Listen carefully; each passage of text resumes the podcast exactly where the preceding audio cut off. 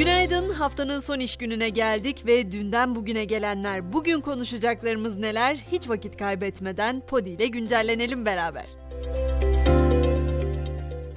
ABD'nin Türkiye'ye yaptığı güvenlik uyarısı sonrası İstanbul'da dün bazı konsolosluklar kapalıydı. Konsolosluklarının çalışmalarına ara veren ülkelerin de aralarında olduğu 9 ülkenin büyükelçisi Dışişleri Bakanlığı'na çağrıldı. Türkiye'de bulunan tüm diplomatik misyonların güvenliklerinin uluslararası sözleşmeler temelinde sağlandığı hatırlatılarak bu tür eş zamanlı faaliyetlerin orantılı ve sağduyulu bir yaklaşım teşkil etmediği ve bu tarz yaklaşımların ancak terör örgütlerinin sinsi gündemlerine hizmet ettiği vurgulandı. Dost ve müttefik ülkelerden Türkiye güvenlik birimleriyle işbirliği yapmalarının beklendiğinin altı çizildi. Bu arada Norveç'in Ankara Büyükelçisi de Norveç'te Kur'an yakma eylemine izin verildiğinin duyulması üzerine Dışişleri Bakanlığı'na çağrılmıştı. Türkiye'nin o uyarısı üzerine Norveç provokatif eyleme verdiği izni iptal etti. Oslo Emniyeti de söz konusu eylemin yasaklanacağını açıkladı. Yine dün akşam yürekleri ağza getiren bir de kaza vardı. İstanbul Bahçeli Evler'de bir İETT otobüsü kaldırıma çıkarak önce otobüs durağındaki yolculara ardından da bir minibüse çarptı. Kazada bir kişi hayatını kaybetti, beş kişi de yaralandı. Gelelim Ankara gündemine sözleşmeli akademik personele kadro verilmesini ve MIT bünyesinde Milli İstihbarat Akademisi kurulmasını düzenleyen teklif Meclis Genel Kurulu'nda kabul edildi. EYT düzenlemesi de Meclis Plan ve Bütçe Komisyonu'ndan geçti. O teklifinde 7 Şubat Salı günü Genel Kurul'da görüşülmeye başlanması bekleniyor. Bu arada Ankara demişken Ocak ayında mevsim normallerinin üzerinde seyreden hava sıcaklığı yerini soğuk hava ve kara bıraktı. Başkentte dün akşam itibariyle beyaza büründü. İstanbul'da ise kar yağışının pazar günü etkisini artırması bekleniyor. Tabi birçok kent içinde yine yağış uyarısı olduğunu belirteyim.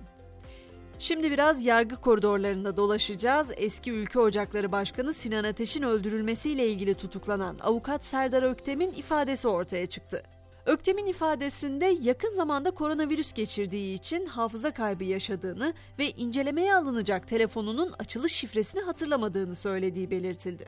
Yine özellikle sosyal medyada çokça konuşulan bir konuydu. Küçük çekmecede bina girişinde bekleyen kediye dakikalarca şiddet uygulayan saldırgan Aytu Koyuncu tutuklanarak cezaevine gönderildi. 31 Ocak'ta çıkarıldığı mahkemece adli kontrol şartıyla serbest bırakılmıştı bu kişi ama karara itiraz edilmesi üzerine hakkında tekrar yakalama kararı çıkarılmıştı. Artık dünyadaki yolculuğumuza başlayalım derim. Meksika'ya uzaklara gideceğiz biraz. Meksika'da yönetime kızan halk belediye başkanını kaçırdı. Belediye başkanı ve diğer yetkililerin istifasını talep eden protestocular taleplerinin yerine getirilmemesi halinde yetkilileri yakarak öldürmekle tehdit etti.